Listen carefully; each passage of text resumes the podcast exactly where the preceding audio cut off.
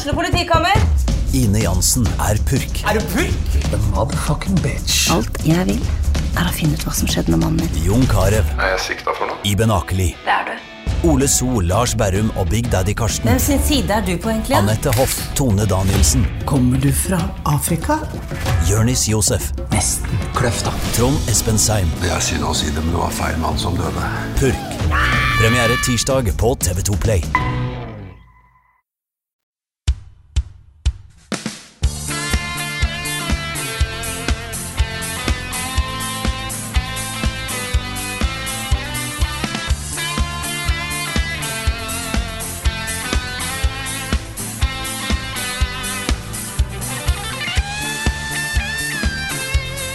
Hallo alle sammen, og velkommen til en ny episode av podkasten Level Backup. Og i dag har vi et, et, et flott eh, firkløver, heter det jo så fint, eh, av folk. Det er meg, Frida Danmo. Jeg har med meg i dag Karl Martin Hogsnes, Rune Fjell Olsen og Jan Martin Svendsen. Hallo, alle sammen. Hello. Hello, guys. Vi har jo henta inn eh, han har spilt litt kule ting denne uka, så da kommer vi tilbake til. Men hvordan går det med dere, folkens? Det går bra. Det har vært Gamescom, som vi har dekka live. Det kommer vi tilbake til. Så skal vi jo, vi skal jo til og med Vi skal jo ha show for første gang på kjempelenge. Vi skal på Eldorado. Det gleder jeg meg til. Det er solgt en del billetter. Eh, plass til flere. Så eh, hvis du har lyst til å delta i, eh, i det som kommer til å bli en veldig koselig kveld, altså. Og det kan jeg nesten love. Det, det blir alltid veldig hyggelig når vi har podkasten, også den faktiske podkasten live. Mm. Eh, for da har vi et program, vi vet hva vi skal gjøre. Vi har gjort det, eh, skal vi se, hva er det, 381 ganger før? Ja, 82. Ja, det er 82 i dag, er det Ja, ikke det? mm, så ja.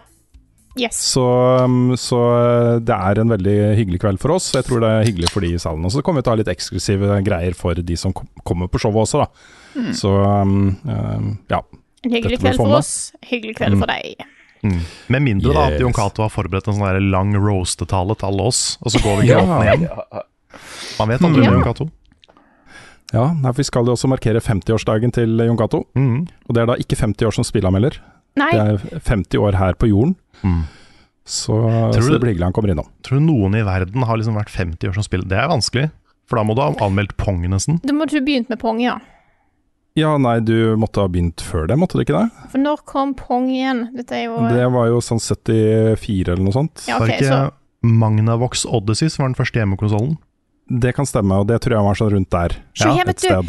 Pong lanseringsdato 29.11.1972. Det er alt som mulig.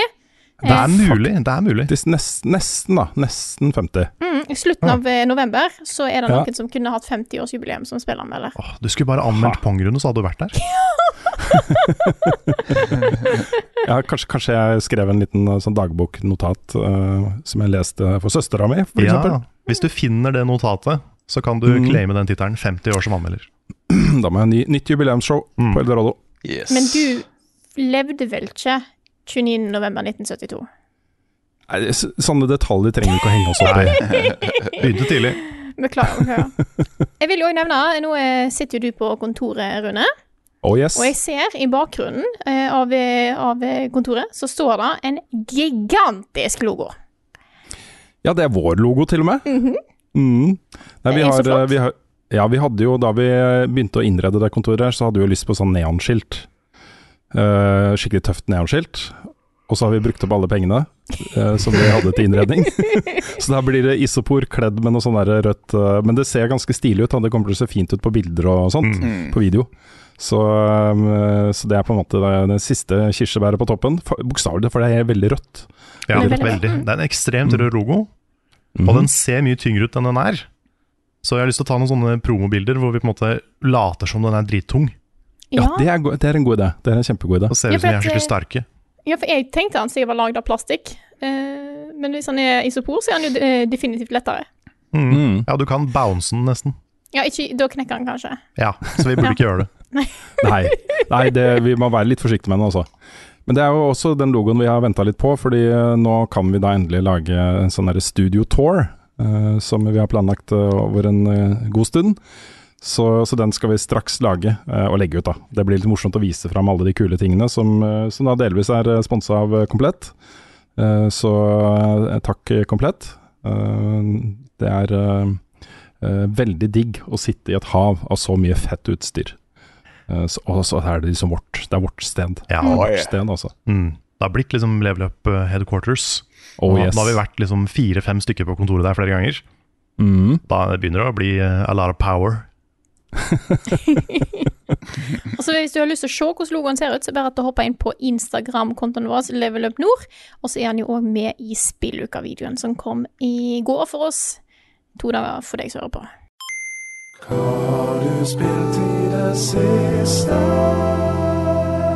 Nå som jeg har henta inn deg, kjære Svens, så tenkte jeg at du skal få lov til å starte med hva det er du har spilt siden sist. Ja, jeg kan godt starte ballet. For flere gangs skyld, nå har mitt uh, spilliv vært ganske, ganske innholdsrikt. Og på current ting. Det er ikke verst. Men eh, jeg må begynne som alltid og si at jeg har spilt veldig mye Vampire Survivors. Og jeg har spilt mye Seven Days To Die. Um, nå er jo Seven Nei, unnskyld. eh, Vampire Survivors ferdig. Helt ferdig, virker det som. De skal ikke lage noe mer innhold til det, liksom? Jo, det kan det, kommer noe etter hvert, men liksom the roadmap er, eh, er ferdig. Aha. Eh, I går eh, fant jeg ut at jeg hadde fått en achievement som 0,1% av alle spillerne har uh, unlocka. Så da, Oi, oi, oi. Damn. da har jeg gjort et eller God annet. gamer. Ja, Eh, det ser jeg Rune også har fått, men det er kanskje litt tidlig å snakke om. Eh, Det er mulig jeg kan nevne, nevne det etterpå. Ja, det er ok. Men så har jeg jo først og fremst uh, anmeldt Cult of the Lamb. ja. Som vil jo si at jeg har spilt ganske mye Colt of the Lamb. ja det Veldig fin video. Jo, takk. Det ante meg på forhånd at uh, dette er et spill for Svens. Ja, det var, det var mye Svendsen-DNA i det spillet. hans. Mm. Ja, det var, eh, det var fornøyelig fra, fra start til slutt. For de uinnvidde, hva er Colt of the Lamb? Colt of the Lamb er et dodge roll combat cult simulator action strategisk spill. Rogue, Ja. Ah, ja. Roguelite også inni der. Uh, ikke, ikke veldig sterk på roguelite-elementer, men, uh, men de er til stede, og akkurat til stede nok til at det blir eh, det blir spennende. Hmm. For eh, map-layouten, fiendelayouten og hva du òg får som gevinst per bane, det er jo random hver gang. Beklager, altså. Det er, jeg måtte bare det, Hunden står og klager, så jeg Åh. bare, det, et lite I would die henne. for that dog. tyggepinne. Det er ikke Rune som spiser bamsemums midt i podcasten. Nei, det er ikke det. det, er ikke det. Beklager, beklager. Bare fortsett, fortsett Svendsen. Ja, nei, så det er jo det, det kjempekarakteristiske trekket til det spillet er jo at det er jo så ekstremt søtt. Det er kjempekoselig, liksom. Altså, det er jo satanistiske skogsdyr som driver og ofrer hverandre og, og tilber deg som eh, en blødende geit, liksom. Men eh, når, når du bare er chill og calm, så er det jo dratt liksom rett ut fra det verste Disney-universet du noen gang har sett. Det bare er sånn Åh, jeg vil se på dere da. Jeg får litt sånne Happy Tree Friends-assosiasjoner. At det er liksom cute, men veldig voldelig. Ja, ja, ja. Eh, fordi du får jo tilgang til sånne ritualer, som det heter. Som er liksom ting du kan gjøre for å enten booste uh, lojaliteten eller troen til gjengen din. Og en av de tingene du kan gjøre, er jo å ofre folk. Så hvis de er på vei til å dø, f.eks., da, da har de levd et såpass langt liv ikke sant? at de har mye tiltro til. Så da får du òg veldig mye dark points du kan bruke til å oppgradere ting hvis du dreper de. Og da er det sånn «Ah!» Men så øyeblikket du tar og prater med noen etterpå, så er det liksom «Ah, kommer det mjanja, kommer det mjanja, ah!» Så det er uh, Det er juxtaposition left, right and center. Mm. Og det er veldig koselig. Sånn plutselig ultravold. Plutselig ultravold. Det er skikkelig grusomt fra tid til annen, men uh, oftest er det bare skikkelig koselig og feel good. Mm. Og så har jeg så vidt begynt å spille Thymesia.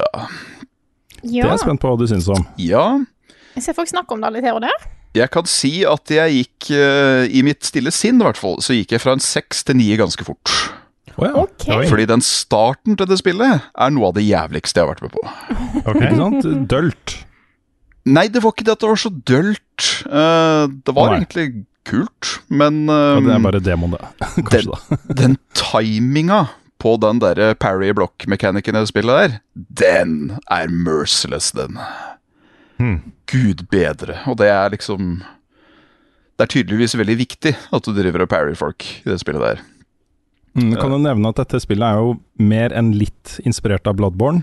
Og Har litt den samme type parry-systemet, hvor du blir belønna for å være aggressiv, ikke sant? Ja. Um, og jeg syns det var helt krise til å begynne med. Jeg syns det var skikkelig clunky, skikkelig æsj. Jeg døde jo på første miniboss i tutorialen sånn tre eller fire ganger, tror jeg. Tenkte hm, greit, jeg må lære meg et nytt system, men så dårlig er jeg ikke. Så dårlig er jeg ikke. Og så begynner jeg å spille, og så ser jeg at å, du har et skill tree som du kan drive og oppgradere. Da går jeg umiddelbart til parry, og der står det 'extend parry duration'. Da var det åh, ok. Og det er en fin skill. Så da putta jeg litt poeng i det, og putta litt poeng i bare flat damage på sverdet mitt, og nå, nå begynner det å gi litt mer mening. Hmm. Men jeg har jo igjen kommet til den minibossen jeg møtte i tutorialen da, i første bane, og jeg har prøvd fem ganger nå, og det bare går ikke.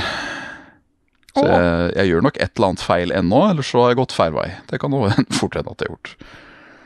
Har du funnet sverdet ennå? Ja, altså, sverdet begynner med Herlig referanse. Mm.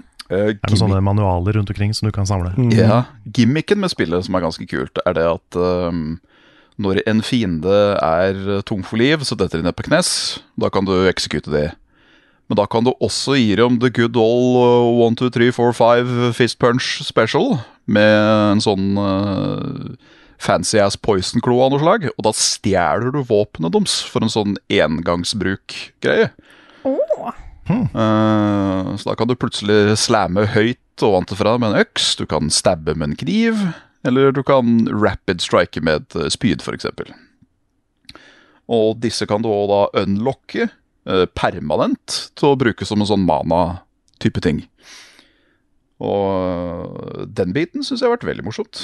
Det eneste som er litt kjedelig med det, er at det tar så lang tid å lade opp den kloa. Så du står jo da tre-fire sekunder etter du har drept en fiende. Ja, ja skal vi se. Der, ja. Yes. Ja. Takk Så for du er Margit? Ja, absolutt. Du, du, er, du er discount Margit med lag. Ja. ja. Men åssen er på en måte polishen i combaten? Fordi jeg har spilt ganske mange av de Souls-like-spillene nå. Sånn Ja. som um, Mortal Shell er jo et av de, som var sånn ganske bra. Ja, Eh, men det er så utrolig mange av de som er litt sånn der, De er veldig clunky og stive, og liksom du, du kan ikke sammenligne det med combaten i FromSoft. da ja. Nei, Er det- Åssen åssen er det her? det kan du ikke her heller. Det, det skal Nei, sies. Men um, uh, du kan veldig fort avbryte et angrep for å parrye. Du er ikke Ja. liksom ikke hardcommitta til noe. Eh, men du merker jo at det er veldig arcade, for en av de første skillsa du tar da innenfor sverdcombat, er jo det at du extender hitkomboen. Så det, det, det kan fort bli veldig buttmashete. Um, et annet problem er jo at nesten ingen, eller alle fiender, har hyperarmor. Så du, du kan liksom ikke gjøre noe staggering, bare med vanlige attacks. Og det Det merkes veldig godt på han jeg nå har dødd på i x antall ganger. Mm. Blir, blir litt sliten. Så det, det lover bra. Eh, det lova ikke veldig bra når den kom til første bane, fordi det er jo basically Blighttown. Begynner med Blighttown, ja. Begynner Ja. med Blighttown. Ja, ja. Ja.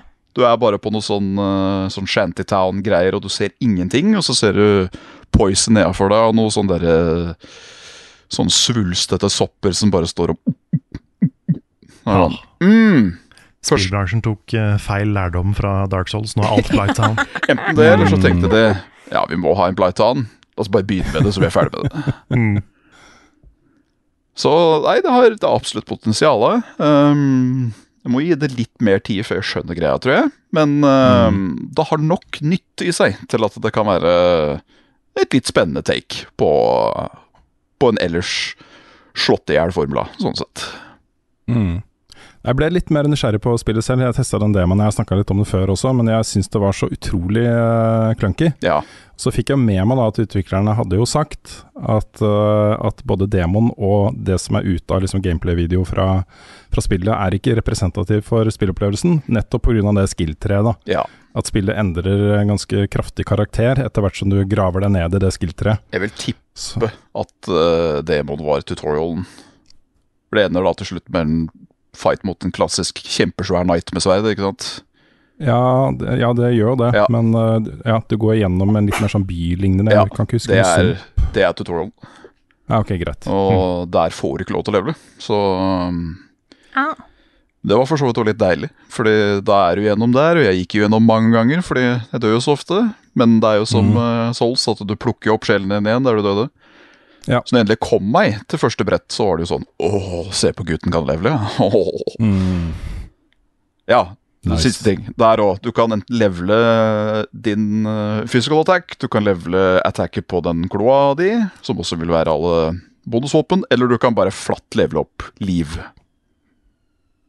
Og så via de poenga igjen, da, så får du talentpoeng, og så ja. Yes. Føler du at da å kunne levele opp eh, når du kom til det punktet, føltes enda bedre fordi du ikke kunne levele opp i level 1-runnen din i Elden Ring? På en måte. det er Når blir det, når blir det level 1-run i Thymesia? Ja Nei, det, det, det blir ikke en repeat av det igjen med det første. Nei. Yes. Da eh, er det noe mer, Svens? syns? Nei, jeg er ferdig igjen nå. Yes. Før jeg eh, gir ordet videre, så vil jeg bare ta en liten svipptur innom Senderblade Chronicles 3. Det er en tradisjon og frem til jeg eh, blir ferdig med det, som kanskje blir til neste, neste podkast. Jeg tror jeg begynner å nærme meg noe som kanskje er slutten, om sånn 10-15 timer. Mm. Man vet Eh, aldri med JRPGs. Plutselig så er det sånn 40 timer til. Ja, og så plutselig så kommer det en sidequest jeg har veldig lyst til å gjøre, som jeg er inne i akkurat nå. Rett etter jeg bestemte meg for egentlig å fokusere på historien. I hvert fall, eh, det jeg ville bare si, er at jeg har jo Jeg tok jo valget om at jeg skulle spille gjennom hele, bare for å få med meg historien før jeg, eh, før jeg anmeldte den, bare for å få hele den opplevelsen. Eh, og nå har jeg fått bekreftelse på at det var en god idé, eh, for eh, på mandag så eh, nærmer meg ja, 55 timer uti. Eh, noe rundt der. Eh, eller 60 timer, noe sånt. I hvert fall, jeg kom til en del av historien som var helt insane. Et storysegment som var intenst eh, og oppslukende og bare ekstremt bra. Eh, som jeg tror til og med kom til å vippe hele spillopplevelsen et hakk opp, om ikke eh, ting rakner fullstendig mot slutten. Så eh, fy fader, ass. Hvis dere sitter og eh, er litt på, på gjerdet på Xenoblade, eh, go for it, sier jeg bare. Mm. Mm. Er det fortsatt sånn at du kan få mye ut av det uten å ha spilt de andre? Ja, da eh, Jeg vil fortsatt si at uh, du sikkert kan hoppe inn i nummer tre sjøl uten å ha spilt én og to. Uh, vanskelig å helt konkludere før jeg er ferdig, Mm. men så, så langt vil jeg si da. For da slipper du nummer 60 timer med spill nummer én, og 60 timer med spill nummer to. Og Ja, det, så er det, for det, er, det er litt commitment. Jeg kjenner flere som hopper rett inn i Xenoblade Chronicles 2. eh, uten på måte, noe mer der, og da, eh, går relativt greit. Så jeg tror det virker som at du kan gjøre det samme med Sunblade Chronicles 3. I hvert fall i så, eh, Ganske mange titalls timer, da. Så langt er det jeg kan bekrefte. Mm. Yes. Nice.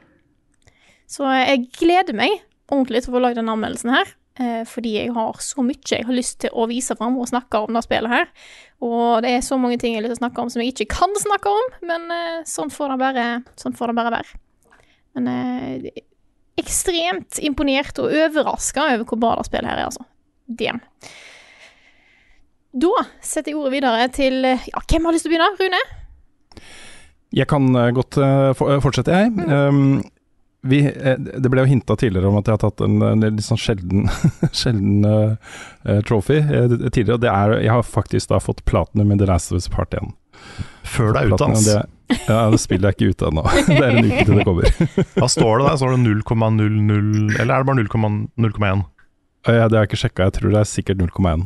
Men, eh, men eh, det føltes litt godt å bare få det unna. Det var sånn, eh, det, Når jeg bare bestemte meg for å gjøre det, så var det viktig for meg. Det er også en følelse som Hvis jeg først begynner å tenke jeg har lyst til å ta platinum i det spillet her, så, um, så er det vanskelig å slippe unna den også.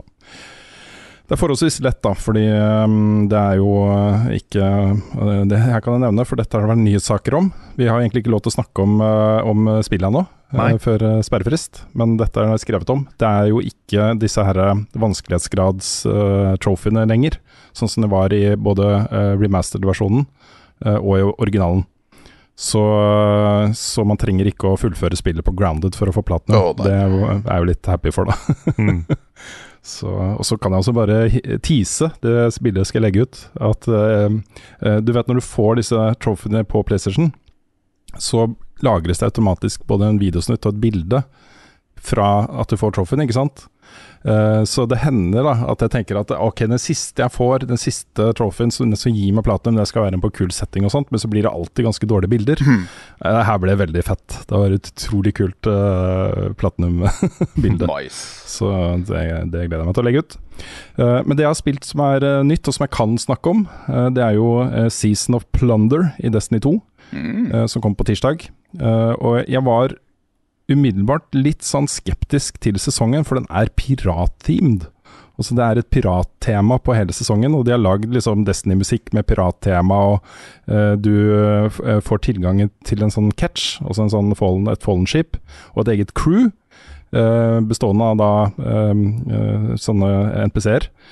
Eh, som du skal reise rundt i liksom, verdensrommet og, og boarde andre skip og eh, fullføre ting og tang, liksom. Du har eh, en ny uh, sesongting som heter sånn catch et eller annet som er matchmaking og osv. Det er seksmanns inn på sånne svære uh, Follen-skip og sk- skyter masse greier. Og så er det noe som heter Expedition, som jeg ikke har testa ennå. Men alt er veldig sånn piratbasert, da. Og så er det jo eh, Spider eh, og eh, Drifter som er på en måte de som styrer denne sesongen her. Fordi eh, Savala og Ikora er opptatt med liksom The Witness og The Darkness og de tingene som kommer i Lightfall. Jeg skal snakke om Lightfall i nyhetsspalten, men, ehm, eh, men dette er en litt sånn hvilesesong, føler jeg da. Og ikke så tiltrekkende. Men nå har jeg spilt en del av det, og det er ganske gøy, altså. Så jeg kommer nok til hvert fall fullføre de, eh, de sesongtingene, som er litt sånn historier og, og sånt. Um, spille noen timer i uka. Og ikke minst så kommer jo også Kingsfall-raidet tilbake på fredag. Og det gleder jeg meg til også. Uh, de har sluppet en egen trailer fra det. Uh, og det å kunne bruke da alle de nye abilityene som Guardians har i Destiny 2 i det raidet tror jeg kommer til å bli kjempegøy. Altså. Uh, man kan sette opp sånne Stasis-greier ut av veggen, så man kan få tilgang til områder som man ikke fikk tilgang til før, uh, osv. Så, videre. så um, det her kommer til å bli et utrolig hyggelig gjensyn. Jeg gleder meg veldig til det. Eh, Det er også en eh, utrolig hyggelig nyhet at uh, Bungie nå dropper sunsetting av eh, expansions. Eh, vi snakket jo en del om dette her også i spilluka, så jeg skal ikke gå voldsomt i detalj, men, men uh, uh, da Bungie bestemte seg for at Destiny ikke skulle komme med liksom resets For du hadde jo Destiny 1, og så har du Destiny 2, og da var det hard reset. Alt forsvant, du måtte begynne på nytt. Eh, Da de bestemte seg for det, så sa de at for å kunne få til det, så må vi liksom fjerne en del innhold for å gi plass til det nye, og unngå bloating og for mye press på, på nettverkskoden og koden generelt osv. osv. At ikke spillet blir 500 gigabyte stort, liksom. Um, så de begynte å sunsette ting, og det har jo vært blanda reaksjoner på det. Uh, men nå sier de da at uh, fra med nå, og i all framtid, så skal ikke expansions, altså da hoved, da snakker vi Beyond Light, uh, Forsaken, de der store hovedgreiene, skal ikke sunsettes. Og det er veldig bra, altså, fordi uh, historien i Destiny har gradvis blitt bedre og bedre. Det er uh, mye mer sammenhengende og uh, gjennomtenkt enn det har vært før. Også Da de lagde Destiny 1, så var det ingen i Bungie som visste hva The Darkness var. Men det ble hele tiden referert til, ikke sant. Eh, men nå har de en plan eh, som de har fulgt over flere sesonger og flere år. Eh, og det er spennende nå, fra sesong til sesong, hva kommer til å skje, liksom. Hva er det neste? Så, så det er kjempebra, altså. Uh, alle disse expansions som er ute nå, er gratis for alle. I, jeg tror det er bare en uke til, eller bare noen få dager til nå, da, så podkasten kommer ut. Så hvis du er nysgjerrig, så kan du bare laste ned Destiny 2 uh, New Light, som er gratis. Og Expansions gratis. Spille gjennom historien uh, og se om det er noe for deg. Det har kommet inn, sa de, da, fem millioner nye Guardians eh, etter eh, ja, Det var vel i løpet av det siste året, tror jeg. Oi. Så um, det er mye større dette her enn folk tror, altså. Mm. Men hvor mange nye Guardians kom fra Rune Fjell Olsen, som begynte på nytt? Jeg har bare tre. Jeg har uh, dattera mi, sønnen min og meg selv. Ja, ok. Um, så nei, jeg spiller ikke med de uh, nå lenger, også. Det skal de få lov til å gjøre selv. jeg har drevet og levela litt for de og, og sånt. Um, Så det er, ikke sånn, det er ikke sånn som i gamle dager at man har liksom tre warlocks, og så gjør man alt tre ganger. Eh, nei, du kan da. Ja. Men uh, det var en av de tingene som de droppa, fordi det var jo sånn folk levela, ikke sant. Og så Mm. ble de max-level uh, veldig fort. At du bare flytta av armor så videre. Men nå får du jo dramatisk mindre uh, eh, progresjon hvis du har eh, samme klasse. Så Ja, okay. Okay. ok. du, du, det, det har så liten effekt at det er ikke noe vits, liksom. Du gjør ikke det for å levele. Det, det er helt meningsløst. Så det er bedre å ha tre, tre forskjellige karakterer. Hmm. Hver, hver klasse, da. Um, det siste jeg vil nevne om uh, Season of Plunder, som er veldig fett, er at uh, nå har jo både Solar subclassen og Void subclassen fått samme behandling som det Stasis subclassen har. Også en helt ny måte å se på klasse på abilities og sånne ting. Uh, med da Season of Plunders så introduseres også Ark, så nå er alle de fire subclassene i spillet under- etter samme modell. Og Det som er kult med den, er at uh, det er jo ingen granater f.eks. som er eksklusive for en klasse lenger. Du kan bruke alle de samme granatene på alle de samme Alle de fire forskjellige superne, da, subklassene. Uh, så man kan sitte og bygge karakter mer enn man kunne før. da. Uh, og den lener veldig inn i, i uh, at hvis du gjør det, så får du bonuser på det, og får, får du bonuser på det, så får du bonuser på det. Og det blir litt morsommere å spille. Det er litt mer givende å sette seg inn i liksom hva man trenger å gjøre da, for å overleve. Så um, det er veldig gøy at det kom på Ark. Og Ark er jo en veldig sånn nærkamp uh, subclass. Det skal være mye tryne på folk og dælje løs, liksom, med shotguns og fusion-rifler og ne bare nevene. Så i Season of Plunder har jeg valgt da å starte som Titan. Nå skal jeg være punchbro. Nice. Uh, fly rundt og ha det fett med hagler og granater og punching. Så, mm. så det blir gøy. Big boom boom boy. Oh yes. Yes. Ok, is that my cue? Oh yeah. Jeg eh, har jo, litt sånn som Rune, begynt å spille The Last of Us Part 1. Jeg kan ikke si så mye om det ennå, fordi vi har fått det tidlig og, og sånn. Men uh, det jeg kan si, det tror jeg er ganske innafor, det er at det er interessant å spille The Last of Us Part 1 igjen. Og liksom gå tilbake til det etter så mange år, for jeg har bare spilt det én gang. så det var overraskende mye jeg hadde glemt, og overraskende mye som jeg liksom hadde sånn vagt bilde av, men som var annerledes enn jeg kunne huske. da så, For det var jo et spill som jeg alltid har tenkt at liksom, det holdt å spille det én gang. Men det er litt gøy å spille det to ganger. Det er, det er mer, mer å sette pris på og legge merke til, og sånn som jeg kanskje ikke la merke til så mye den første gangen. Mm. Så det er spennende. Kan jeg vente med å si noe mer uh, til uh, nærmere lansering. Men uh, jeg har også uh, hoppa tilbake til Final Fantasy 14, for det kom en patch på tirsdag. Og det er sånne, sånne ganske store, spennende patcher som det spillet får av og til. Og det er jo litt ekstra spennende nå, fordi eh, etter Endwalker, som var liksom endgame for historien, så starta jo en helt ny historie. Og ingen vet helt hvor den er på vei. Så første nye patchen eh, var jo da starten, og så har det kommet en ny patch nå, som er del to. Og det er vanskelig å liksom si noe uten å spoile, så jeg skal ikke si så mye. Men eh, det er en litt sånn interessant ny måte å bruke Final Fantasy på i denne nye patchen. Det er litt mer sånn direkte koblinger til um, da spesifikke spill i serien. Ikke at det er samme univers, eller noe sånt, for det, det er det jo aldri, nesten, i Final Fantasy. Men, eh, men det er referanser som er litt mer håndfaste da, enn det var før. Okay. Så jeg er litt spent på hvor det er på vei. Det er litt uh, karakterer og ting og tang som dukker opp som, som har vært med i andre spill. Som virker som de har en litt større rolle enn eh, enn de har hatt i historien til nå. Så det er litt, eh, litt, litt fiffig.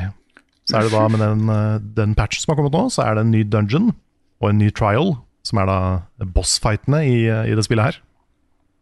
Som var veldig, veldig kule. Jeg fikk spilt gjennom begge i går.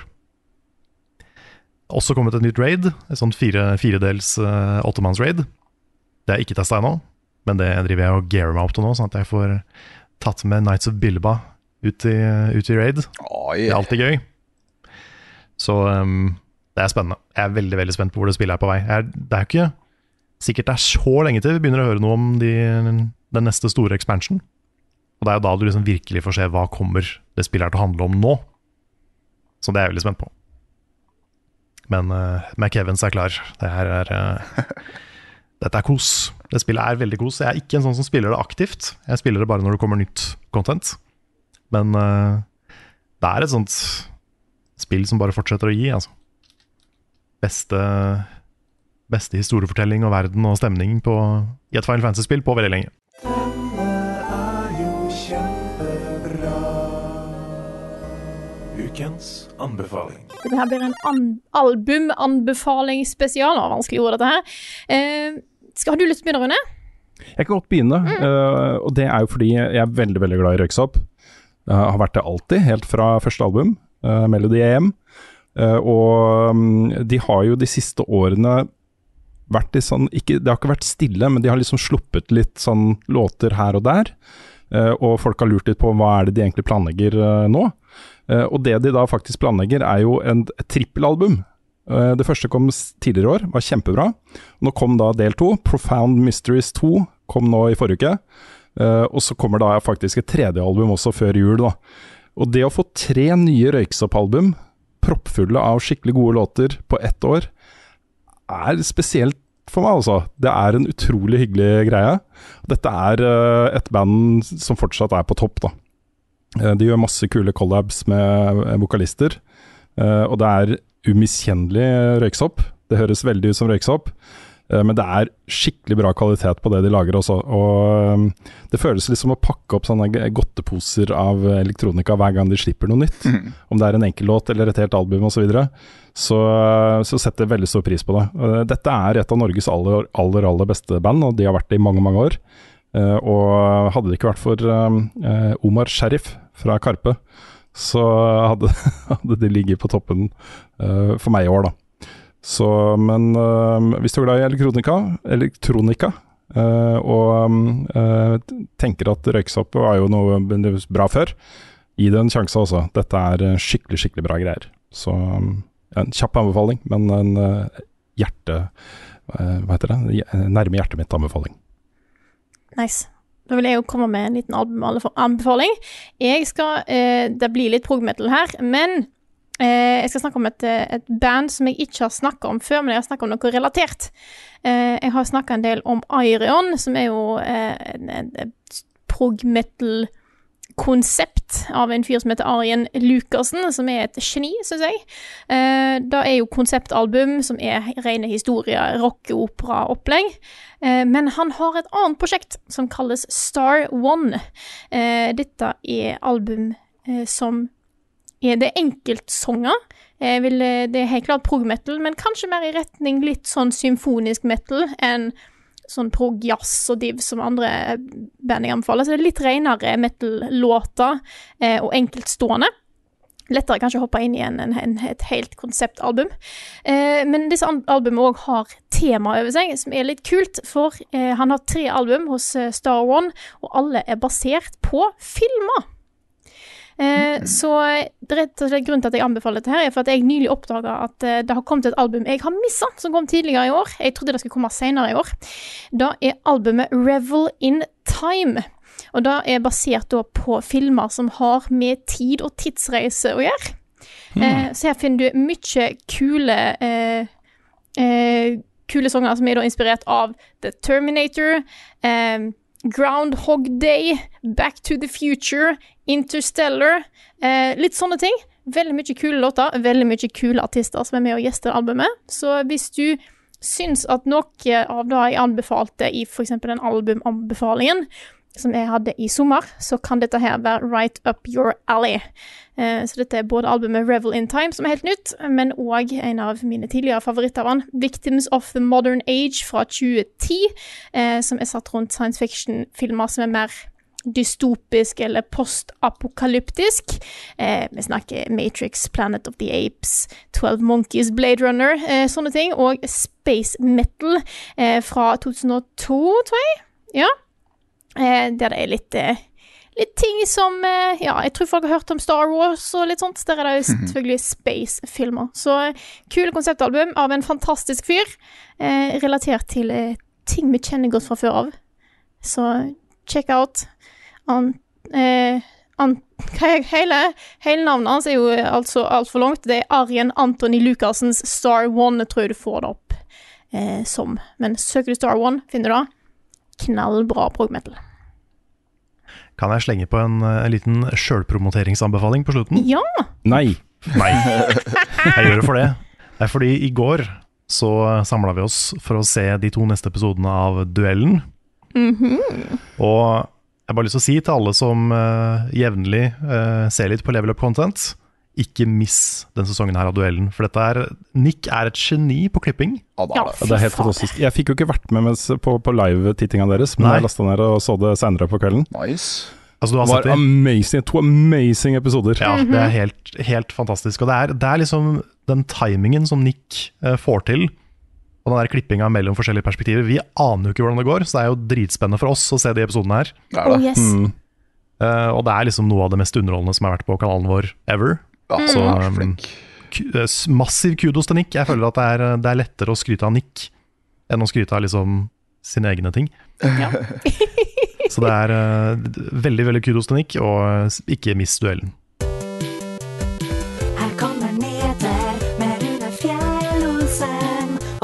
Har ikke hår. Nå er det jo Gamescom. Det starta på eh, ja, også tidligere i uka. Eh, denne store, store spillmessen i Tyskland, som nå eh, endelig har åpna dørene for da eh, fysisk publikum, etter å ha vært eh, online et par år. Pga. pandemien, selvfølgelig. Um, jeg har lyst til å nevne et par ting først, fordi dette er jo en ganske viktig messe, i hvert fall i Europa. Uh, og det er en av verdens, jeg tror kanskje det er verdens største spillmesse uh, når Ja. det gjelder antall besøkende. Tror det stemmer. Mm, det er massivt. Jeg har vært der et par ganger selv, og det er så svært også. Det er mange messehaller som er connecta til hverandre i Köln. Uh, som er dritsvære. Du kan bare gå, gå, gå, gå, gå, gå. Og det er så mye folk, og det er så mye greier som skjer hele tiden. Jeg har Så aldri det- følt meg så sild i tønne som da jeg var på Gamescom. Ikke sant? Eh, samtidig med eh, Gamescom så har de også en egen sånn eh, festivalpark, hvor man kan sette opp telt og campe og bare ha det gøy utenfor også, liksom. Så eh, en ordentlig fin markering da, av spillmediet her i Europa. Eh, det er det positive. Den negative er den der prisutdelinga som de holder på med. Som irriterer, det irriterer meg såpass mye at jeg har lyst til å nevne det her. Hvor de har da kåring. Mest etterlengta PC-spill, mest et etterlengta PlayStation, Xbox osv. Og da er det jo bare, virker det som da, eh, at det er bare de som stiller ut, og som har putta, putta penger inn i Gamescom, som får Ja. lov til å bli nominert. Jeg tror de sa det òg, at det er liksom on the show floor. Ikke sant? At det er liksom topp, det og det.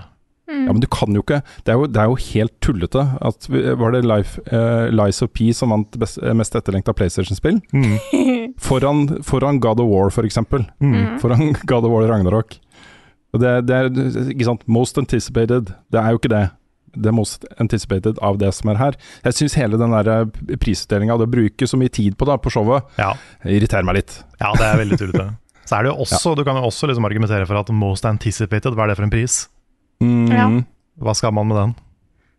Mest hype. Ja, Gratulerer. ja det er Ja, liksom Hvorfor skal vi gi en pris for det? Dpad reklamerer jo for, uh, i traileren for den uh, Vikings on Trampolines at det var, var det Game of the Year for åtte år siden, eller et eller annet, står det. De vant en eller annen sånn kåring uh, i forbindelse med spillprisen eller et eller annet, da. Her i Norge, ikke sant. Så ja, uh, whatever. Det er i hvert fall gøy at, uh, at eh, Gamescom er i gang igjen. Uh, det kommer sikkert flere nyheter fra den utover uka. Men det var jo den store Opening Night Live med Jeff, Jeff Keeley og gjengen um, på tirsdag, som vi dekka. sammen med alltid så gode besøkstall på streamene våre på den type ting. Så det var jo over 1500 vi gikk innom streamen vår eh, tirsdag kveld. Det er kjempekoselig. Mm. Um, hvor det da ble vist fram masse greier. Vi kommer ikke til å gå gjennom alt her. Det gjorde vi i spilluka, som kom ut da på onsdag. Uh, så hvis du har lyst til å få liksom et enda bredere bilde av hva som ble vist fram, for det var to timer med ganske tett uh, konsentrasjon av nye trailere og den type ting. Jeg føler traileren gikk så slag i slag at jeg av og til hadde problemer med å skille om det var en ny trailer eller fortsatt var den fra forrige spillet. Ja, ikke sant. Mm. Så, um, så vi går gjennom det, det aller meste. Da. Det er noen av de der småtingene som vi ikke nevner, men det er meste av de store tingene, i hvert fall. Det er Så- faktisk en tre kvarters spilluka Gamescom spesial. Så Ja. eh, check a look. Yes, så det blir eh, litt færre spill å snakke om denne gangen, men det kommer til å ta litt tid allikevel, for det er fortsatt mye, altså. Eh, så jeg delte dette litt inn i, i bolker, eh, med da de blanke nyhetene først. Også de største nyhetene, de som eh, eh, greier som vi fikk vite for første gang på Opening Night eh, Live. Uh, og da vil jeg starte samme sted som i spilluka, med Dune Awakening. Dune Awakening fra uh, Funcom som uh, Vi visste jo at de, skulle, at de jobber med et eh, survival-spill basert på Dune-lisensen, som de nå eier. Eh, men dette var første eh, gang vi fikk se både hva det heter, eh, og litt eh, tonen og den type ting, da. Mm. Ja, for det var jo bare CG, ikke noe gameplay. Nei. Men uh, du kan jo eh, gjette deg fram til at du er en Fremen, for det var i hvert fall en sånn Mhm. Fremen-person som var i, i teaseren. Og at du kanskje kan ri på sandworms, for han gjorde det på slutten her. Han Ja. gjorde jo faktisk det. Så um, også, ja, kanskje det er litt sånn Conan Exiles over det. I så fall så kanskje vi må tilbake til det, Svens. Mm, må nok det. Skal vi kalle Jeg oss er veldig da? spent på De, veldig, de, de sannete et eller annet. Uh, Mm. De, fi- de fine Frammen. oh, Nå begynte hjernen min å Det begynte å gå sånn tannhjul rundt omkring. Ja. Eh, sandelig min hatt. Og kanskje vi skal finne på det dårligste sandpønnet i verden. Ja, ikke sant? Nøtt eller sandhet. Nei, ok, vi går Eh, De kaller det et Open World Survival MMO. Mhm. uh, kanskje litt flere MMO-elementer enn det er i Con Exiles. Uh, men det er uh, Dette er et bra team som har et bra spill i beltet nå, med Con Exiles. En kul lisens eh, og en sjanger som er populær, så jeg har litt tro på dette her, også. Det jeg er mest spent på, er hvordan de får til den der gangen over sanden for å ikke tiltrekke deg uh, sandworms. Mm. Ja, Som, eh, ja, for det kan, jo, kan de jo ha det ganske mye gøy med. fra sand og samling. Ja, den var også fin. Ja, Um, send inn ditt beste sandpønn på kommentarene ja på, gjør det. gjør det. på den her. Vi crowdsourcer tittelen på neste gameplay-serie. Ikke sant. Det er ikke kjent når uh, Dune Awakening kommer, uh, men det blir garantert et Early Access-spill. Jeg, Mm. jeg er nesten villig til å sette penger på det. Kanskje de til og med har sagt det, jeg vet ikke.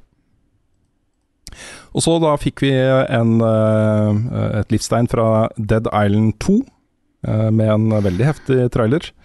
Uh, det lanseres 3.2 neste år. Og dette er jo et spill som, uh, som det ble jobba mye med, og så nedlagt. Og så starta de på nytt da, med et nytt team for fire år siden, uh, i da In the Spirit uh, av da det originale Dead Island. Så Mm. dette handler om zombieslakt på mest mulig brutalt og kreativt vis. Uh, med da, var det fem eller seks? Det Seks personer, tror jeg. seks forskjellige rollefigurer med hver sin egen personlighet og, og sånne ting. Så um, uh, det kan bli gøy. Vi fikk en lanseringsdato på Return to Monkey Island, og det er allerede 19.9. Du Der verden. uh, står jeg nesten først i køen, tror jeg. Ja. Det gleder jeg meg kjempemasse til. Um, showet starta jo med et, uh, en Vi trenger ikke snakke masse om det, men uh, med en trailer for et spill som fikk veldig mye plass uh, på dette showet her, som heter Everywhere. Og Det fremsto som en litt sånn Roblox for voksne, et spill som er alt, liksom, for alle. Hvor spillerne er med på å påvirke ting og sånne ting. Og så ble det jo kjent etterpå da, at utviklerne er jo ute og jakter på folk med blockchain-kompetanse. Ja. Eh, og de har blitt konfrontert med dette, uh, hvor de da sier at eh, nei, dette handler bare om research. Det, vi, det har, dette er uh, Selve spillet her lages i Unreal Engine eh, 5. Eh, ikke, det er ikke blockchain, det lages ikke på. Eh, det er bare for research, sier de da. Jeg får det derre LA Noir-bildet med doubt Ja. i, eh, på, på hjernen når jeg hører, hører hvordan de snakker om det spillet her. Ingenting sier research som å betale folk med kompetansen for å få de inn i selskapet ditt. Mm. Nei da, men Jeg- eh, Litt block curious. til deres forsvar, da, så, eh, så er det jo Driver du et teknologiselskap i dag, så er det jo ikke helt unaturlig Nei, det er jo ikke det. å forske litt på krypto og blockchain og den type ting. Så um, Ja. Jeg skal ikke være unødvendig negativ, da skal jeg ikke. Nei, Nei. Men, uh, men still, uh, keep that shit out of games. Ja, det, de gjør jo ikke det. Nei, de gjør ikke det. Flere av våre gamle store helter, eh, både, uh, både Will Wright og uh, Pokkeren, det er korttidsminnet mitt igjen nå, altså. Han Fable eh, um, Ja, Peter Molyneux. Peter Molyneux. Peter Molyneux. Peter Molyneux. Ja, Han uh, lager også et, eh, et eh, kryptospill, begge Akkurat- de to gjør det nå. det er kanskje ikke så overraskende at han gjør det. Nei, kanskje ikke. Men ja, uansett. Uh, Unknown World har jo uh, med litt sånn rakettfart uh, blitt skutt opp til eh, stjernehimmelen av spillutviklere med Subnautica, som er et fantastisk bra spill og et fantastisk bra univers. Eh, de har nå brukt pandemien til å gå en helt annen retning, nemlig, nærmere bestemt da, eh, minifigures, figurines, og eh, turbasert eh, brettslåssing.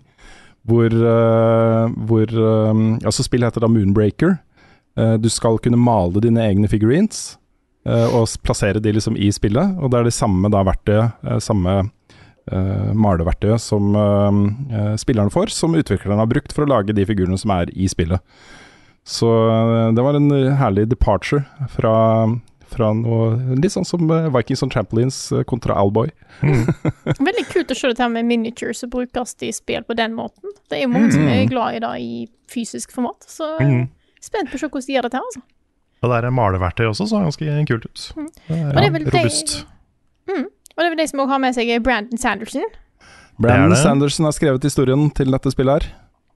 Mistborn, Mm. blant annet. Mm. Så eh, nei, det kan, det, det kan bli gøy, dette her også. Eh, Det ligger jo en mulighet her også til å, til å lage en fysisk versjon av dette spillet. At du bare tar de greiene du maler, og så 3D-printes det et eller annet sted, og så får du de til deg, og så Jeg, jeg venta litt på at det skulle, at det skulle avgjøre, avgjøre uh, avduke en sånn der uh, Amibo-funksjonalitet i det. Mm. Men det Ja, kommer jo aldri. ja. Ja, for de andre veien også, tenkte jeg det. At du faktisk sitter og maler dine egne figurines hjemme, og Mm. så liksom få de skanna inn i spillet. Mm. Mm. Kommer i Early Access uh, 29.9., dette spillet her. Vi fikk se de første glimtene fra uh, Telltale eh, Games-spillet The Expanse.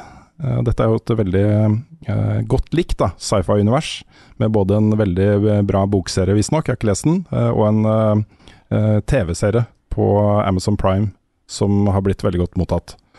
Så jeg, jeg, jeg syns det spillet så kjempebra ut. Med sånn utforsking av liksom romstasjoner og uh, zero gravity og uh, sånne ting. Så um, jeg tror jeg har lyst til å vite litt mer om universet først, før jeg spiller spillet. Men uh, det så skikkelig bra ut.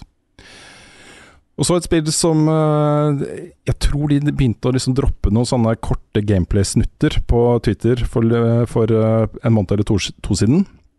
Et, eh, et spill som heter Where Winds Meet. Som er, Hva er det de kalte Vuxia? Er det den stilen de kalte det, Carl? Kommentarer, noen som kommenterte på spilluka? Ja, det kan han jo. Ja. Det husker jeg. Eh, litt sånn Crouching Tiger, Hidden Dragon combat-system. Du kan liksom eh, løpe på vannet. eh, Både dobbelt og trippel og firedobbelt og femdobbelt hoppe i lufta og sånne ting. Uh, det så ut som et veldig kult og fast-paced kampsystem. Gjorde du det? Eh, kombinert med litt sånn taktisk eh, bruk av eh, dodging og, og sånt. da Mm. Lagt da til, eh, til eh, Kina på 1800-tallet eller noe sånt? 1700-tallet? Jeg husker ikke helt. det Jeg, jeg leste, jeg leste i hvert fall 15, 16. middelalderen på gamer, så jeg Ja. tror det er riktig. Så et sted mellom eh, Jeg husker ikke noe middelalder. Nei, var. ikke heller. Ikke heller. Vi er ikke en Men det var jo skip med kanoner. Det var skip med kanoner, Mm. så det må ha vært eh, i eh, Det var ikke liksom oldtiden.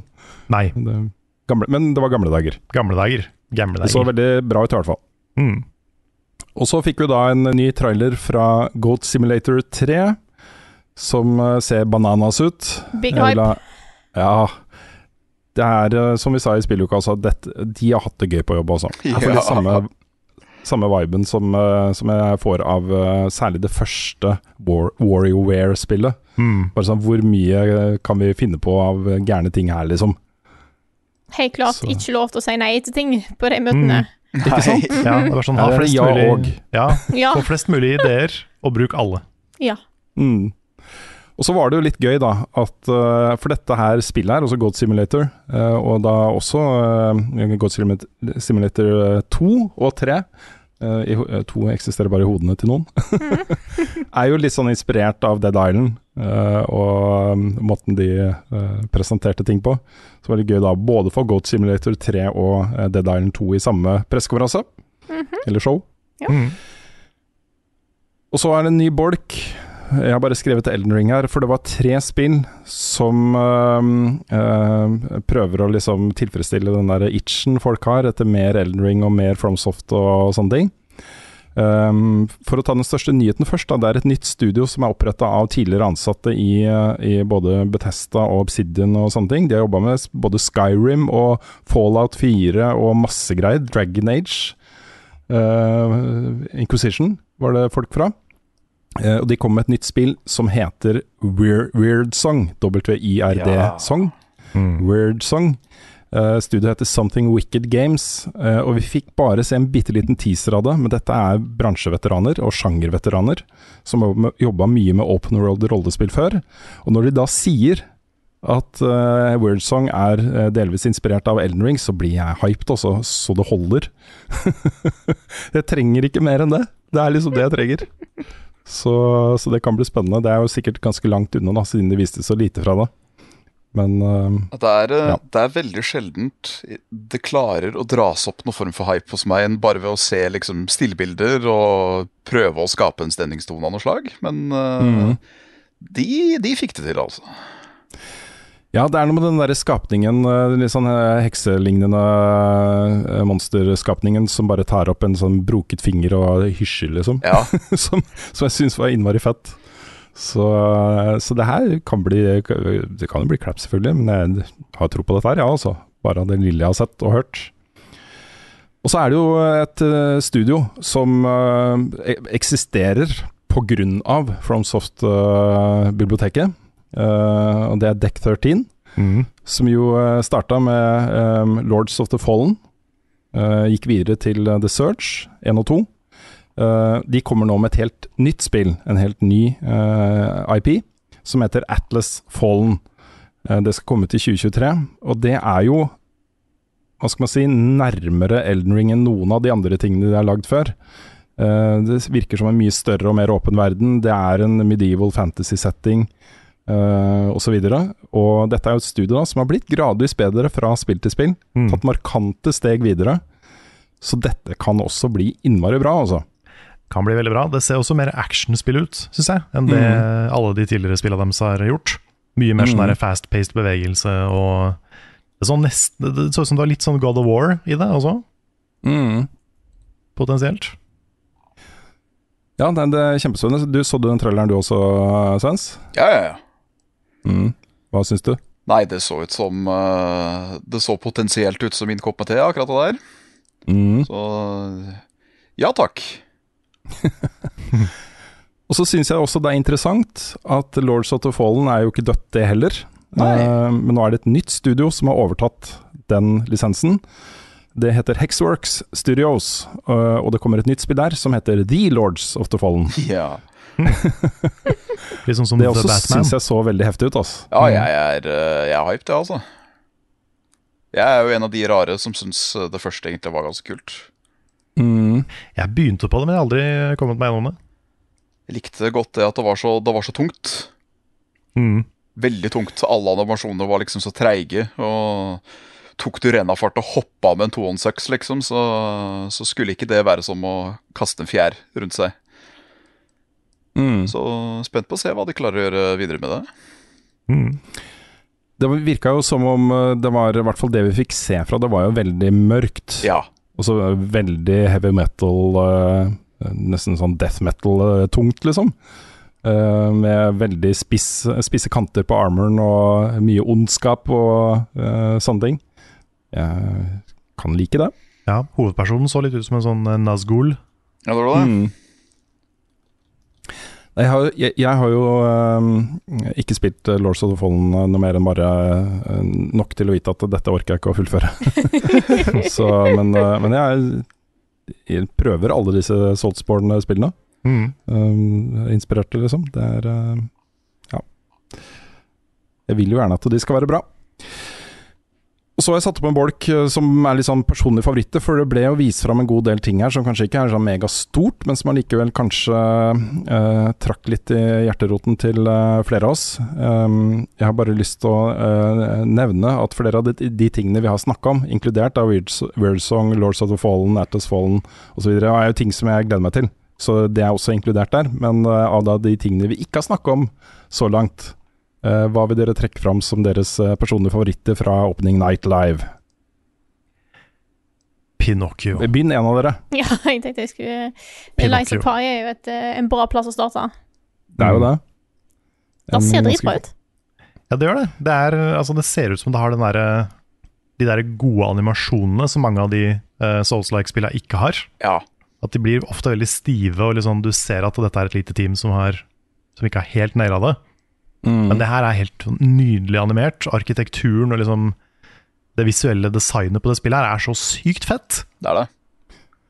Ja, for Lies of P er jo et uh, spill basert Nei, på Nei, Det er P, pi. Jeg sa pi. Uh, Ja, du sa pi, det var pi. Det Ja, det, sånn det er pi. Sånn. Ja, jeg er er veldig pi. forvirra. Jeg har lyst til å si pi, men det er pi. pi. Og P-en står da for Pinocchio. Det er basert på Pinocchio uh, Pinocchio. Mm -hmm. The Boyhood. Um, som- Woodborne. Ja, Woodborne. For det er jo det er veldig inspirert Det er et Soulsborne, eh, eller Souls-like-spill, det også. Mm. Kanskje nærmere Bloodborne. Um, med monsterbosser og alt dette her, liksom. Um, har sett veldig bra ut hver gang vi har sett det, og nå fikk vi jo se enda mer og mye gameplay. Um, det er tre streker under det spillet for min del òg, altså. Mm. Mhm. Og så øh, fikk vi jo se ganske øh, heftig sekvens fra The Callisto Protocol, som jeg tror kommer til å ende opp med å bli et av årets virkelig store spill. Dette er jo øh, fra utviklerne av Dead Space. Uh, det ligner jo veldig på Dead Space. Um, det ser fett ut, altså. Er det Nå har ikke jeg spilt så mye Dead Space. Er det enda mer gory enn Dead Space? Dead Space er ganske gory. Det er det, Jeg, jeg husker det som om det ble mer og mer gory for hvert spill også. Okay. Um, det, det er jo disse her um, hele, hele konseptet, kampsystemet, er jo basert på dismemberment, liksom. Altså avkapping av lemmer. Det det. For du bruker jo et sånn derre tool som egentlig ikke er et våpen, men du bruker det som et våpen ved å bare kappe av lemmene til eh, monstrene når de er på vei mot deg, liksom. Så det flyr jo lemmer og gørr overalt, liksom, når du Mm. spiller. Så ja. Mye vifter i Kalisto. Ja. Vifte og, Ja. og gears som Ja. Mm. Mm. Mm. Der har vi tidligere også sett at uh, spillerne kan fort havne i den, uh, disse uh, kvernene, de også. Mm. Midt i kamper og sånne ting. Ser ikke bra ut. Det var noen flotte dødssekvenser der. Det var det. Og så har jeg satt opp her uh, uh, to spill som uh, nesten var mine favoritter. Helt på toppen, liksom. Det ene er Under the Waves. Som er et fransk, fransk spill. Hvor du driver og utforsker under vannet og sånt. Både med en ubåt og ting og tang. Et veldig sånn Zen-aktig, rolig spill, virka det som. Mm. Utvikla i Um, samarbeid med Quantic Dream. Stemmer det. Og så var det dette her, hva er det heter, Scar uh, Scars Above. Scars Above. Scars Above selvfølgelig et First Contact-spill. Det kommer en uh, mystisk uh, trekant, kanskje er en Destiny-tegn. En sånn pyramideforma et eller annet over jorda. Eh, og din oppgave, oppgave blir jo å utforske hva dette er for noe. Har de gode hensikter? Har de onde hensikter? Kanskje det er litt av begge deler. Um, Utrolig kult utgangspunkt. ja, det er kjempekult, og det, de viste jo fram ganske mye fra det. Uh, og jeg ble veldig nysgjerrig på det, for det var så mange forskjellige typer lokasjoner og omgivelser og uh, hendelser.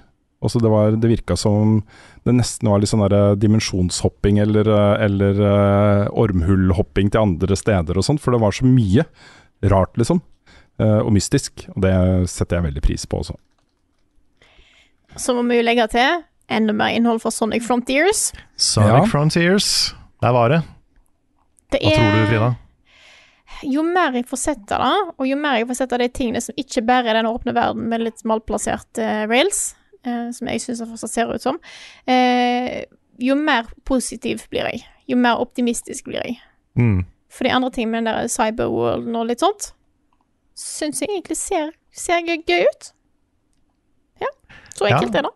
Jeg er veldig sånn morbid interessert. Ja, du det blir jo er- fascinert, sant? Mm. Ja. Og det er på en måte et fint sted å være med Sonic, fordi enten så blir du positivt overraska over at det er bra, eller så blir du positivt overraska over at det er veldig dårlig. Så det det Jeg tror jeg nevnte det under streamen, men som Sonic-fan, med en gang du ser noe der som kanskje er bra ut, så, så henger du deg fast i det. Mm. Eh, og, og, og tenker at ja, men dette kan bli bra. Og så må du sikkert se litt forbi litt andre ting. Eh, men du vet aldri, så jeg er veldig spent på å se eh, hva det er når dette kommer ut. Dette kommer ut 8. november.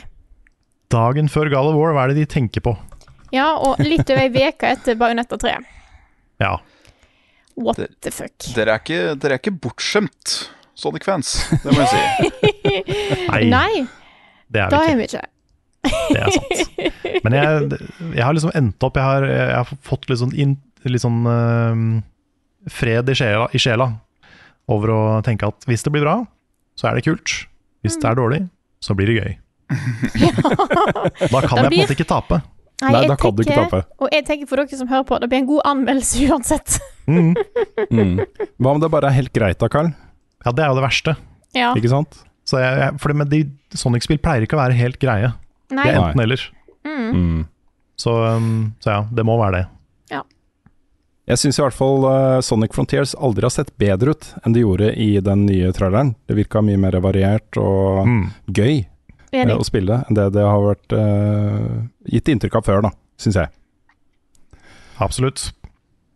Har du noen favoritter du har lyst til å trekke fram, eh, Svens? Nei, de har egentlig allerede blitt tatt. Ja. Alt som kan minne om Souls, yes please. ja. det er jeg muligens enig i.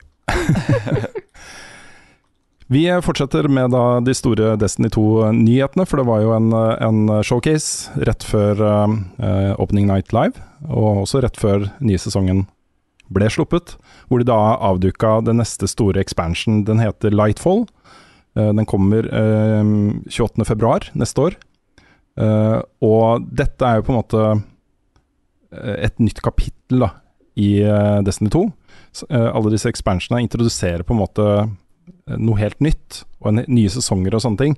Og så har du disse sesongene som går imellom, som gir historiebruddstykker de også, og fortsetter historien osv. Men det er disse store expansionene, det er de som på en måte introduserer de største nye tingene, nye raids osv. Så, videre. så dette er en big deal. Um, det kommer en helt ny uh, lokasjon, nemlig Neptun. Hvor uh, det da ligger en by grunnlagt av eh, mennesker, altså menneskeheten, som heter Neoluna. Og den har vært cloaked i eh, veldig lang tid. Og så, eh, når man har sett på Neptun, så har man ikke sett noe, for den har liksom vært skjult av denne byen her. Så, så det er litt interessant, fordi det har, det en måte, den har eksistert så lenge at det er egen lår der. Det er en egen sivilisasjon som har eksistert der lenge, som du kommer inn i eh, som eh, en fremmed. Eh, det er ikke bare en, en ruine av noe eller noe sånt, det er et levende samfunn. Eh, og det er også veldig sånn neon uh, cyberpunk-inspirert. Så du får også en helt annen feel og vibe enn du har i det andre innholdet i Destiny. Det så Eh, til og med logoen. Mm. Ikke sant? Og til og med logoen er jo litt sånn der klassisk eh, cyberpunk neon-design på, liksom. Det virker som et, en ny retning da, for hele spillet. Eh, og det er så deilig også, at de gjør det. Eh, og det bygges jo opp til, en, eh, akkurat som det ble gjort med Final Fantasy 14, Karl, en konklusjon på en, en Destiny-saga. Eh, det blir ikke med den expansion, det kommer en til etter det, men det skal liksom konkludere denne historien de forteller nå.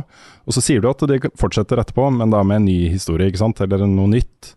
Um, så, så nå begynner det å bli ganske spennende, altså. Nå er jo da The Witness, som vi fikk stifte litt bekjentskap med i The Witch Queen. Uh, lederen for The Darkness. Han har sånne hodeskaller som går ut som røyk av toppen av huet hans. Og så har han sånn kappe med en høy hals. Uh, ser skikkelig freaky ut. Uh, han får jo med sentral rolle, og ikke minst da også Callus uh, og hans Shadow Legion av kabalkrigere kommer inn da som en hovedfiende i dette her. Men eh, her kommer Destiny-nuben, altså. Bare så det er Ja. bare så klart. Men er ikke Callus han duden fra tidligere raid? Jo da, um, Callis um, uh, har jo dette kjempeskipet sitt, Leviathan. Ja. Hvor det har vært både ett raid og to mini-raids i, og også forrige sesong foregikk jo i veldig stor grad der. da. ja. Dette er jo hans eh, skip, og han har jo på en måte han er en sånn eh, kabalkonge som, um, som man trodde man skulle møte da i, eh, i eh, Destiny 2. Men du møtte jo bare kopier av han. Roboter. Ah. Det var en sånn rad på rad med roboter som så ut som Callus. Riktig. Så han har, ja, han har vært i, i universet, men nå er det faktisk Callus. Og han var liksom fanga Det er litt, eh, litt som han derre skurken i Dune, hva er det han heter igjen? Han som Han Stellan Skarsgård spiller i Baron Harconen Harkonnen, eller han Ja. Ja. Det føltes litt sann, da. Eller liksom Bobafett. Han ligger liksom omsluttet av noe sånn Darkness-pyramideteknologi. Bare hodet hans stikker opp og bare uh, Så det var, eh, var kult. Um, jeg får prøve å gå litt kjapt gjennom. Det kommer også en ny subclass da, med Lightforce som heter Strand, som er kjempespennende. Hvor du bl.a. alle de tre klassene får en grappling hook, som kan liksom connecte til punkter du bestemmer selv, da, bare i lufta, liksom. Um, og bare det å introdusere den type mobilitet da, og uh, vertikal uh, uh, spillbarhet i Destiny 2 er veldig interessant, altså. Det er et helt nytt element som kan endre hele greia ganske mye. Um, du får eh, det som kalles Guardian Ranks, som er et system for å eh, både gi deg selv tilfredsstillelsen, av å vise fram alt det kule du har gjort eh, i Destiny, men også for andre da, å kunne se om du er en Hva slags type Guardian er du, liksom? Um, med det så kommer også et commendation-system, så hvis du spiller med folk, så kan de gi deg en, en score hvis du har vært hjelpsom eller morsom å spille med eller hyggelig eller hva som helst. Um, det kommer da på toppen av et rapporteringssystem hvis du har vært på andre enden av skalaen, selvfølgelig. og så får du endelig en loadout mod manager, som gjør at du får um, det å pusle med rollefiguren din er for komplisert nå, og for knotete. Og du må drive og skifte mods og huske da, hvilken mods du bruker til forskjellige aktiviteter. og Det er særlig forskjell mellom PV PVP og PVE. Her får du et eget system hvor du kan lagre en loadout og bare bruke den. Eh, Trykk på en knapp, og så? Når du er ferdig med å bygge, så kommer alt tilbake. Så det er kjempebra. Jeg, jeg har um, tro på framtiden til Destiny 2 fortsatt. Eh, jeg spiller det ikke like mye som før. Jeg er innom når det kommer nye sesonger, og så spiller jeg det nye innholdet, og så legger jeg det gjerne bort, da. Eh, Men det kommer så mye bra eh, nytt innhold hele tiden nå at det fortsatt er gøy å være Destiny-spiller. Jeg har veldig lyst, særlig deg Svens, Mm. til å spille gjennom The Witch Queen-campaignen. Eh, Som en serie, kanskje, på kanalen vår. Jeg er lett med, altså. Ja, eller en stream eller noe, fordi den er så god, altså. Det er et så godt eksempel på hvor eh, langt de har kommet med historiefortelling og singleplayer eh, co-op i dette spillet her. Det er ordentlig god campaign, en av de beste FPS-campaignene jeg har spilt. Um, og jeg har lyst til å introdusere dem for uh, flere av mine venner. Veldig gjerne. Jepp. Vi har fått eh, dato på det neste Dark Pictures Anthology-spillet, som heter The Devil In Me. Det er 18.11. Gleder du deg, Carl? Ja, alltid, alltid stas med nye Dark Pictures-spill. Mm. Det, er jo, det mister jo Halloween. De pleier jo ofte å være ute rundt halloween, Mm. men um, Nei, det er øh, Jeg har snakka mye om de før, men det er Det er sånn den type skrekkspill som jeg takler. For det er liksom Ja. akkurat skummelt nok, samtidig som det ikke er for skummelt. Mm. Og så en nyhet vi også hadde med i spilluka. Uh, Multiverses har runda 20 millioner spillere. Og Det er dette Smash Bros-lignende uh, brawler eh, combat uh, fighting-spillet til Warner Bros. Mm. Hva er hennes best, hvor var fredag sist? Har Carl egentlig sopp? Ukens spørsmål. Å, vær så god, Karl. Ukens Sin4. Gamescom viser en haug med CGI-trailere og veldig lite gameplay. Blir dere fortsatt hypa over CGI-trailere, eller forventer dere å se mer gameplay fra spillene for å gjøre opp en mening? Grunnen til spørsmålet eh, grunnen til spørsmålet er at mange CGI-trailere er langt fra virkeligheten av det vi får når spillet først er lansert. Jeg tror mer enn halvparten av de spillene som blir vist på Gamescom, får hype i ca. ti minutter, for så å bli glemt. Hmm. Det er selvfølgelig et uh, veldig relevant og viktig perspektiv uh, Trond kom med der. Um, akkurat når det gjelder disse showene og pressekonferansene og sånt, så tillater jeg meg å bli litt mer hypa enn jeg blir normalt sett. Når jeg sitter i kontorstolen min og ser en ny trailer, og det er bare er CGI, så er det sånn hm, ja. Mm. Men eh, ofte, da, eh, når det er kombinasjonen en sjanger jeg liker, fra et studio jeg tror på, eh, kanskje de har et, et bibliotek av spill som, som er bra, så kan jo en CGI-trailer også skape liksom ekte hype, da. Som, som det er greit å bare kjenne litt på, syns jeg, da.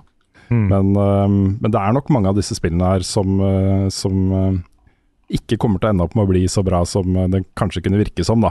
Det, det tror jeg Trond har helt rett i. Ja, og så er det dette Ja. med CGI-trailer. De, eh, de gir et kanskje en forhåpning om hva gameplay skal være, som ikke alltid stemmer overens med det det faktisk er. Så det ender med å kanskje bli nesten villedende til tida. Mm. Ja, det, det gjør det. Jeg syns det, det er lettere å bli hypa over en CG-trailer hvis det er en oppfølger. At det er noe Ja. som du allerede på en måte vet hva du kan forvente.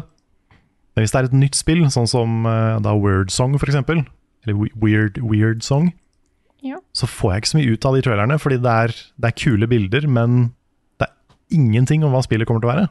Du kan på en måte gjette deg fram til at det er litt sånn Skyrim-aktig, sånn som de har jobba med før. Men så har du ikke sagt det heller, så det, er bare, det blir liksom bare gjetting. Mm. Og da sitter du ikke igjen med så veldig mye. Jeg kan huske godt uh, traileren til We Happy Few. Ja, Ja. Den var jo helt insane. Den var jo fantastisk. Ja. Det var jo Mm. Game of the Show for oss det året. Mm. Ja. Men det viste jo ikke noe gameplay, og viste seg å være et annerledes spill enn kanskje en fikk inntrykk av òg. Mm. Det var, jo, jeg ikke- storyfokus i det spillet på den måten i det hele tatt. Nei. Så det er interessant. Men Det er en av de spillene jeg først tenker på når jeg eh, tenker på liksom CGI-trailere, som ikke alltid nødvendigvis var det en trodde. Mm. Men også Dead Island. CGI-trailer Hva sa du? Dead Island. Ja. Ja. Men CGI-trailer kan jo også være på en måte en litt mer ærlig måte å markedsføre spill på enn en gameplay-trailere, for det har jo hendt at man på en måte konstruerer uh, en gameplay-trailer som uh, får spillet til å fremstå i et annet lys enn det faktisk er da, for spillerne. Anthem, for eksempel. Mm. Eh, det var Men det, det, var jo ikke, som det var jo ikke en gameplay-trailer. Det var det som var eh, shady med det. At det var framstilt som gameplay, men det var jo egentlig ikke det. Ja. Ja, det samme gjaldt jo Killzone uh, til PS4, var det vel? Eller var det PS3? Jeg tror det var PS3 Kill. Killzone 2? 3? Ja, e- ett av de. Mm. Uh, som jo bare var lagd i Det så ut som gameplay, men det var jo det var, Alt var CGI. Mm. Ja, det er det verste, når du framstiller noe som gameplay som ikke er det. ja. Mm. Det er jo bare uærlig. Ja, for man kan få det meste altså, til å se ganske heftig ut med riktig klipping og regi. Uh, så um, uh, Kanskje litt sånn betegnende, egentlig, da, at uh, ingen, av, ingen av trailerne til Saints Row, det nye Saints Row, har klart å vise fram spillet som, uh, som skikkelig kult. Altså det, jeg har ikke fått uh, noe hypefølelse av noen av de trailerne som blir vist fram, verken CGI eller gameplay. Så er spillet rel relativt uh, middelmådig, da eh, også. Så noen spill er det kanskje vanskelig å lage noe som ser skikkelig heftig ut eh, av også. Mm.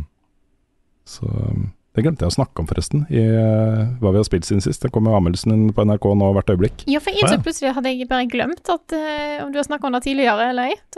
Ja, nei, det, jeg har levert anmeldelse i dag, men jeg vet ikke når de publiserer den. Det kan hende at det er etter podkasten er ute.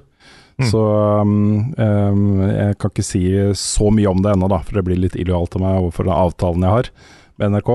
Men uh, det, det får ikke en veldig høy score, altså. Det gjør ikke det. Det gjør ikke det. Mm. jeg, eh, ja, eh, var det noe mer vi skulle tilføre der, forresten? Nei, det, det eneste er sånn som Kanskje den kuleste måten å vise fram et spill på, det er jo sånn som eh, det klassiske eksempelet med det første nye God of War. Med en lang gameplay-sekvens som er representativ for spillet, Mhm. og som gir deg et inntrykk av story, eh, gameplay, alt, hele pakka, liksom. Mm. Det er, ikke, det er ikke en eneste løgn i det de viste der. Nei, men Det ble det jo beskyldt for da den gameplay-demoen kom. Men dette er jo regissert, og det sitter noen som kan spille og bla, bla, bla. bla, bla. Men det var Mm. akkurat sånn det føltes å spille akkurat den samme sekvensen da det. Ja, da det kom seinere. Det det- eh, det må være sjukt frustrerende for deg. Bare sånn, Ja. Nei, det, det, det er sånn. Ja, Det- det, det- dette er spillet. Vi lover.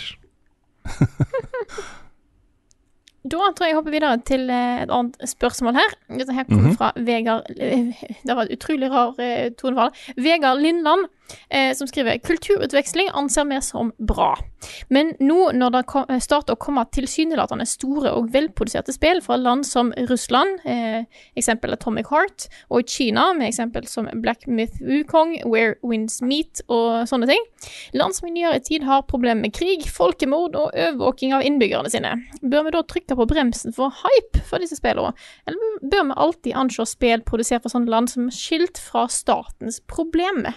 Dette er jo et viktig spørsmål å, å diskutere, i hvert fall for oss som journalister som, Mm. eh, som må velge hva spillen skal dekke og sånt. Ja, det er et utrolig, utrolig interessant eh, spørsmål, og en, en viktig problemstilling for, for oss. Um, hvis man har fulgt oss over litt tid, så har, har man jo kanskje fått med seg da, at eh, når det er snakk om eh, eierskap i, i Funcom f.eks., eid 100 av Tencent, uh, når det er snakk om eh, Saudi-Arabias eh, Arabias investering i, i Embracer Group, 8 eier de av det selskapet, Ja. så tar vi det opp, og vi, vi snakker om det. Eh, Men jeg syns det er vanskelig å skille på en måte kulturproduktene fra myndighetene i disse landene. Eh, Vi vet jo f.eks. at det er utviklere i Russland som har tatt eh, aktiv, eh, en aktiv rolle i å være mot da, invasjonen av Ukraina f.eks. Uh, og man vet jo ikke, man vet jo ikke hva teamet bak eh, Black Myth f.eks. mener om, om uh, de litt uh, sånn totalitærlignende situasjonene i Kina. Mm. Uh, og behandlingen av uigurer og sånne ting. Um, så det å på en måte skille kunsten fra, fra både mannen og staten, er jo en sånn derre stadig tilbakevendende problemstilling for sånne som oss, da. Um, vi får jo lignende type problemer rundt, uh, rundt uh, uh, uh, Hogwarts Legacy Mm. og JK Rowling. Um, dette, dette er komplisert, altså. Det er ikke noe fasitsvar på det, sånt, men jeg tenker at det vi minimum bør gjøre, det er jo når det er snakk om disse spillene, er å samtidig snakke om situasjonen i de landene og med de personene som står bak. Um, og så får vi ta en diskusjon, da, et valg, uh, på om vi skal la det påvirke en score, f.eks. Eller om vi skal uh, la liksom produktet, uh, kulturproduktet i seg selv få lov til å snakke for seg selv. Mm. Um, Ja, for vi får jo alltid Ja. kommentarer når vi tar opp de tinga her om at nei, men dere skal jo dekke spill og snakke om spilla, drit i alt det andre. Mm.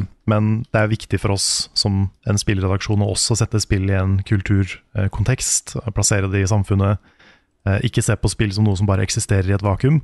mm, Eh, og Den delen er også viktig da, for oss, og da blir disse tinga her litt eh, kompliserte.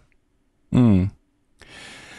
Og så må jeg si at det, i hodet mitt i hvert fall, så hjelper det jo litt av sånn Black Myth og Where Winds Meet. Det foregår jo i et uh, uh, Også i Kina i gamle dager. Uh, og det, Kina har jo en fantastisk kulturhistorie som har hatt har mange utrolig gode historier da, som har blitt fortalt både på film og i spill og eh, TV-serier og tegneserier og alt mulig rart, liksom. Det er jo et veldig rikt kulturunivers eh, å ta av fra der. Det ville nok vært noe annet hvis de prøvde å Hvis det kom liksom et spill fra dagens Kina, eh, som hadde på en måte politiske under- og overtoner, eh, som glatta over eller, eh, eller ignorerte de problemene som faktisk er der, da. Um, enn når man går tilbake i tid. Um, men allikevel, jeg, jeg vet ikke. Det er mye av dette her som er en bevisst, uh, bevisst Et bevisst forsøk på å påvirke opinion i Vesten. Mm. Uh, og det, det er uh, litt skummelt, også. Det er litt skummelt. Ja. Mm. Og du finner jo elementer av det ganske mange steder. Så som, eh, det er ikke så lenge siden Call of Duty ble beskyldt for å hvitvaske amerikanske war crimes i en av historiene Mm. sine. Og det er helt sant. Ja. Jeg tror hovedproblemet da, eh, med, med, måte, også med Tencents investeringer over hele Vesten, eh, og den type innflytelse i Vesten, er jo at hvis man sitter og eier de som lager underholdningsproduktene som Vesten konsumerer, da, Um, så er det ikke sikkert at de er inne og så lager de et spill om eh, lagt i en fantasiverden som ikke har noe med virkeligheten å gjøre i det hele tatt. Så holder de seg sikkert helt tilbake og lar teamet styre det kreative selv. Men i det øyeblikket et av disse studiene har lyst til å lage noe fra Taiwan f.eks., eller noe som eh, problematiserer behandlingen av uigurer, Mm. så ligger det nok både en, et uh, potensial for faktisk uh, sensur, at eierne kommer inn og stanser det, men ikke minst selvsensur. Eh, og der har du jo også det store problemet med at eh, for å bli tillatt for utgivelse på det kinesiske markedet, så må du følge en del retningslinjer fra de kinesiske myndighetene, ellers så blir det banna, liksom. Du, får ikke lov til å selge det. Og det er et gigamarked. Vi snakker milliarder av kroner da, for, for eh, de som lager spill. Og da velger man jo da å sensurere seg selv før man lager produktet, ikke sant. Og det, det er en ganske stor og kinkig problemstilling, altså. Det er litt shady. Mm. Det er litt uh, Ja. Det er vanskelig. Det er vanskelig, og jeg tror det er vanskelig for utviklere òg. Og eh, ja. Nei, men for uh, Dere som hører på, dere vet litt hvor vi står i dette her, og vet vi kommer til å ta vurderinger på på dette her, etter hvert som spillet kommer. Mm. Mm. Jeg håper i hvert fall vi klarer å kommunisere hvor vi kommer fra når vi snakker om de tingene her. Ja.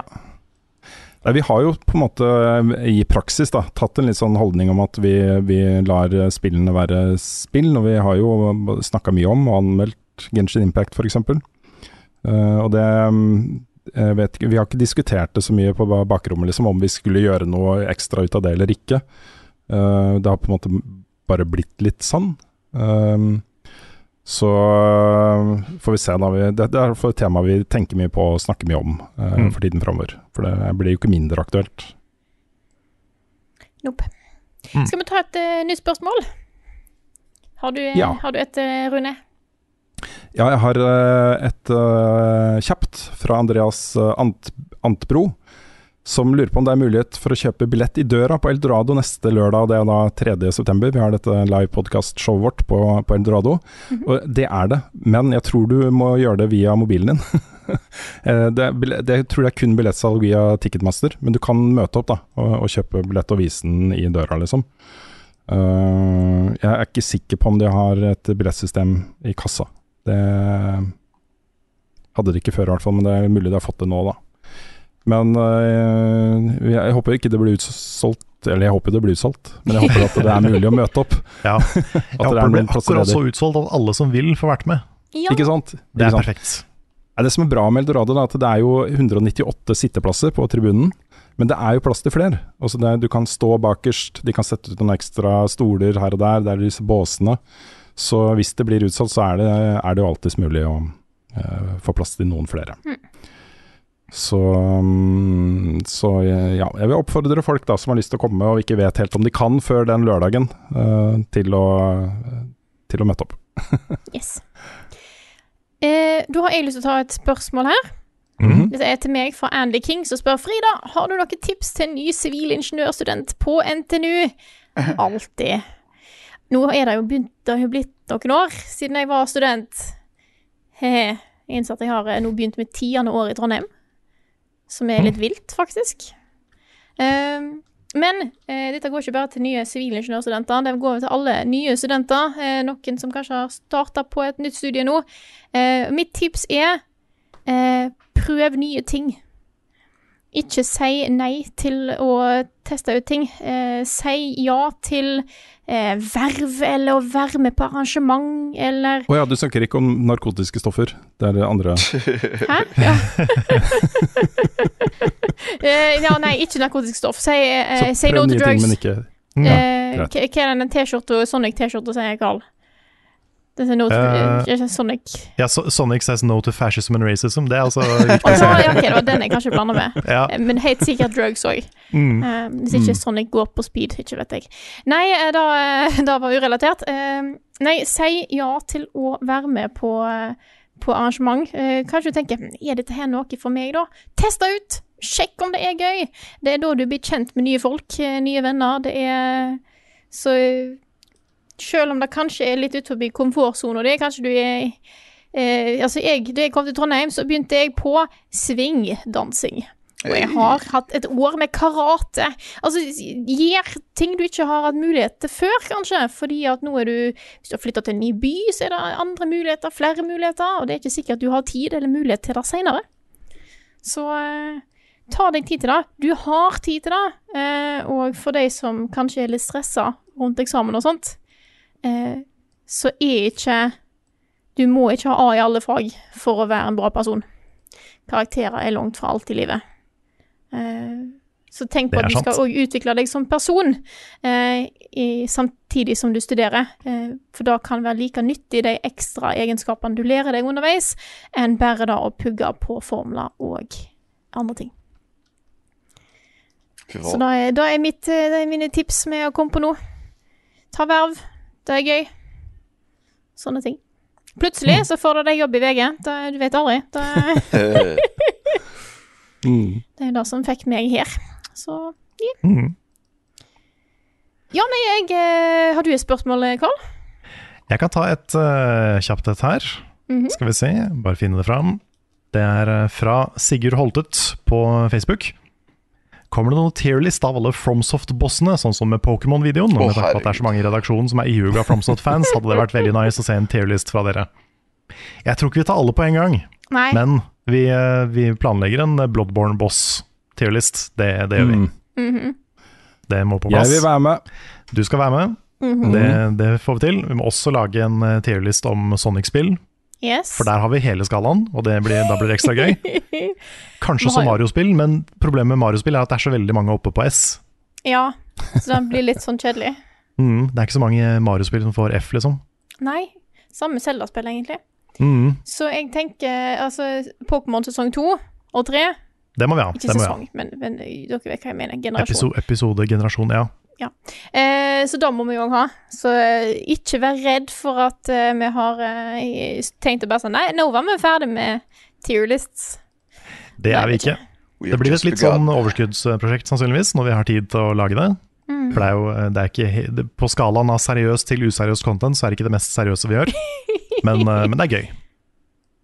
Og så Det- tar det heldigvis ikke sånn um, megalang tid å lage det heller. For når man bruker den der T-list-verktøyet, liksom, Mm. så kan man jo bare sitte og gjøre det mens man snakker og tar opptak, og så har man opptak av lyd og video og sånt, alt samtidig, da. Mm. Sånn, det var sånn. Ja. Ja. Helt til jeg fant ut at jeg måtte laste ned PNG-er av 151 Pokémon og animere de. Å ja, du har gjort det selv? Jeg trodde det var et verktøy som uh, Har du gjort det selv? Jeg har gjort det. Og det er fordi jeg ville at det skulle være interessant å se på visuelt, men jeg angra veldig fort på at jeg gjorde det. Ja, for jeg trodde du, sa, jeg trodde du satt der med musa og dro de over uh, i riktig tear. Ja, det gjorde jeg, men, men det er animert på videoen. Å ja, ok. Wow. Ja, da, da blir det noe annet. Det, er litt, det var litt mer jobb enn forventa, men eh, det går an å finne kanskje litt smartere måter å gjøre det på. Ja, ja, det vil jeg tro. Skal vi ta et siste spørsmål? Ja, jeg har lyst til å gjøre det fordi det var, jeg syns det var en veldig god idé. Jeg vet ikke om jeg har tid til å gjøre det, men, eh, men tanken var eh, god. Det er fra uh, Norton Jonasson, som spør da kan Rune lage en podkastepisode der han forteller Destiny Law, sånn som en far leser eventyr for sine barn. Ja. Du kan bli litt som Rune-Vidja. Ja, ikke sant. Nå fins det jo, nå det jo uh, veldig, veldig bra law-folk uh, på YouTube. Eh, My Name Is Beif, for eksempel. Har jo fantastisk gode law-videoer. Så jeg vet ikke om markedet egentlig er, er der, men jeg, men jeg så liksom bare for meg at det hadde vært gøy å skrive ned Destiny-lawen på den måten. Ikke sant? Som et eventyr. Uh, å sitte ved en peis eller et juletre eller et eller annet og lese den med et glass whisky, kanskje. Åh, Noe brunt i glasset. Mhm. Destiny Dad. Og, ja, ikke sant, tøfler og Så eh, det, jeg fikk noen bilder i hodet der, eh, Norton, som, eh, som, som jeg kanskje gjør noe med. Vi får se. Kanskje noe før Lightfall eller noe sånt. Du kan Så- ha en sånn liten ghost companion som du animerer inn fra sida, som har sånn pipestemme. Ja, det kan du gjøre, Carl. Jeg Det kan være pipstemmen. Det kan jeg Ja, animere det. mm, kan jeg sånn Men Rune, hva betyr Og så kommer de forskjellige Det var, det var faktisk en utrolig god idé. Det var en utrolig god idé. Men den kan jo bare være på en pinne også, for det kan jo være litt morsomt. Ja. Hvis den, eh, Ja, det er sant. noen, noen sitter der liksom bare med den pinnen. Jeg trodde hun ikke hadde tid til å forklare. så kan du liksom, hva er egentlig The Darkness? Ja. så kan du liksom rolig sånn Ja, nå skal du høre. Åh, nå skal der høres fort det. ut som noe vi bør lage. Ja. Kan vi gjøre det samme med Souls og samme med alt det andre som er komplisert. Her har vi jo formatet, vet du. Kingdom Hearts. Ja. Yes, det, Ja, for- vi, må gjøre det, vi må gjøre det her. ja, for jeg vet at du en gang har snakka om at du har en sånn svær tavle, og så sitter du og på en måte belærer oss i Mm. Og så er det en av dere som stiller undervise. smarte spørsmål, mens alle de andre bare åh, Ja. orker ikke å høre mer. Ja. Det er mange eh, muligheter her. Mm. Men jeg liker den der eh, rolig ved peisen-greia. Det er en god Ja. idé. Mm. ja, et eller annet her. Vi har Mm. green screen her. Vi har det. Mm. Jeg hadde jo Slipper vi å faktisk tenne en peis på kontoret. Ja, det er en fordel. Mm. Jeg hadde jo planer om å gjøre noe story i Åh, hva det heter Scarlet Nexus, for den storyen der var jo helt bonkers. Men jeg Mm. bare orka ikke spille ferdig, så da Men det, den var jo helt ko-ko. Det Mm. var mm. faktisk det verste innenfor RPG-sjangeren jeg var borti. Det var helt eh... Og ikke, jenta var ikke engang båten, sant. Det er jo helt eh, Hva gjør Nei, da er det håpløst. Hvis, hvis jenta var båten, så hadde det vært redeemable, på en måte. Mm. Ja. Nei, men skal vi runde av da? Ja. Da Let's runder do vi it. Da runder vi Ja, av. men da. Dette her eh, var en eh, episode av podkasten Level Backup utgitt av moderne media. Låten i introen og outroen er skrevet av Ole Sønnik Larsen og arrangert og framført av Kyoshu Orkestra. Og vignettene er lagd av fantastiske Martin Herfjord. Du finner mye av innholdet vårt, inkludert duell! Wow! Eh, på youtube.com slash levelupnord, og sjekk ut twitch.tv slash levelupnord. Der ligger det litt streams. Kanskje plutselig stream med noe annet. You never know. Eh, Hopp inn på discorden vår, discord.gg slash levelupnorge. Eh, og vi har en eh, web webshop med masse kule ting. Det er levelupnorge.myspreadshop.no. Og støtt oss gjerne på Patron. Så da går du inn på patron.com slash levelupnorge. Nå ble jeg Oh, yes. OK, takk. Eh, eh, så tusen takk til alle dere som støtter oss der. Det er dere som gjør at vi kan holde på og gjør det vi, det vi gjør, og det vi liker så godt. Så tusen, tusen takk til dere alle sammen. Ja, tusen takk, det er kjempeviktig. Og så kan jeg også legge til at istedenfor å gjøre alt det Frida sa nå, Ja. så kan du gå inn på lvup.no. Ja, nettsida! Det kan du faktisk nå. Skytterfucker. Den er vel ikke 100 ferdig ennå? Den er ikke 100% ferdig, men den er liksom alt innholdet vårt blir autogenerert plassert på den siden nå. Mm. Så i hvert fall så er det en samleside for alle de tingene vi gjør. Det er til og med link til Discord-serveren og Spotify-siden for podkasten og ja, alle kanalene våre, Twitter-feeds osv. Mm. Så kan vi si en ting som vi aldri sier, fordi Ja. det er litt kleint. Oh. Men det, det er faktisk Det har faktisk noe for seg å abonnere og ring the bell. Sånn på ordentlig. Det er Subscribe. Ja, på YouTube, ja. Ja, på YouTube. Ja, det har virkelig noe for seg. Hvis Mm. ikke du har gjort det, så gjør gjerne det. Vi har ikke lyst til å bli sånne youtubere som alltid sier det, men eh, det, det, er faktisk, det er faktisk en eh, Det har en effekt. vi kan Mm. begynne å si det ironisk, men så gjør vi det så mye at det blir uironisk til slutt. Ja. Smash that like button and ring the bell! Du, vet du hva, nå fikk jeg en idé. Vi kan ta oss og lage en serie med sånne Smash That Button, Ring the Bell-videoer, som, eh, som er morsomme, liksom. Eh, og som vi legger inn, liksom, som en egen greie, liksom, bare plutselig i videoene våre. Mm. For det er ingen som sier at det trykk på like lenger. Det er sm du skal alltid smash the button, Ja. Ja. Mm. og kanskje liksom make sweet love to the bell. Jeg tenker det er nok mange som har ødelagt datamus og alt mulig rart i, i et forsøk på Mm. å smash that button. Ja. Mm. Ja. Men det er, det er virkelig da, det er en ting som hadde virkelig hjulpet oss uh, i tiden framover, er jo eh, om YouTube-kanalen vår vokste. Mm. Og den vokser jo, men den vokser jo også sakte. Så um, Jeg så en sånn statistikk på liksom kanalen til noen som ikke ba folk om å smash the button, og de som gjorde det, og det har faktisk en skummelt uh, stor effekt. Mm. Fordi at en ting er liksom at det, det er ikke Fordi at YouTube-algoritmen er et mørkt hull av dritt. Ja, Hvis man Eh. ser for lenge inn i den, så ser den tilbake inn i deg. Ja. Eh, Mm. Så det med, det er vel da at da, hvis noen trykker likes, eller, eller på en måte likes og eller ring bell, greit, at vårt innhold blir mer spredd til andre enn de som trykker. Jeg tror Ja, det er et det er signal om at liksom, det. dette er fett. Ja. Ja. It's happening. Mm. These guys are happening. Ja. Vi er hap- ja, det er da jeg eh, These guys are the moment. Nå tror jeg vi må runde før dette blir for gale. Ja, vi kan eh, Ja, det er greit. Nei, men Da sier jeg tusen takk for denne uka her, og så snakkes vi igjen vet du, til en ny episode neste uke. Og neste uke så er det live! Ja, selvfølgelig. Ja, det er live neste uke. kommer Ikke, neste uke kommer ikke episoden på fredag, som han pleier. Han kommer på søndag, for vi spiller den inn på lørdag. Så vet dere det. Så Mm. vi snakkes. Da er vi i hvert fall the moment. Ja, da er vi Vi snakkes live for noen, eh, og litt senere for andre neste uke.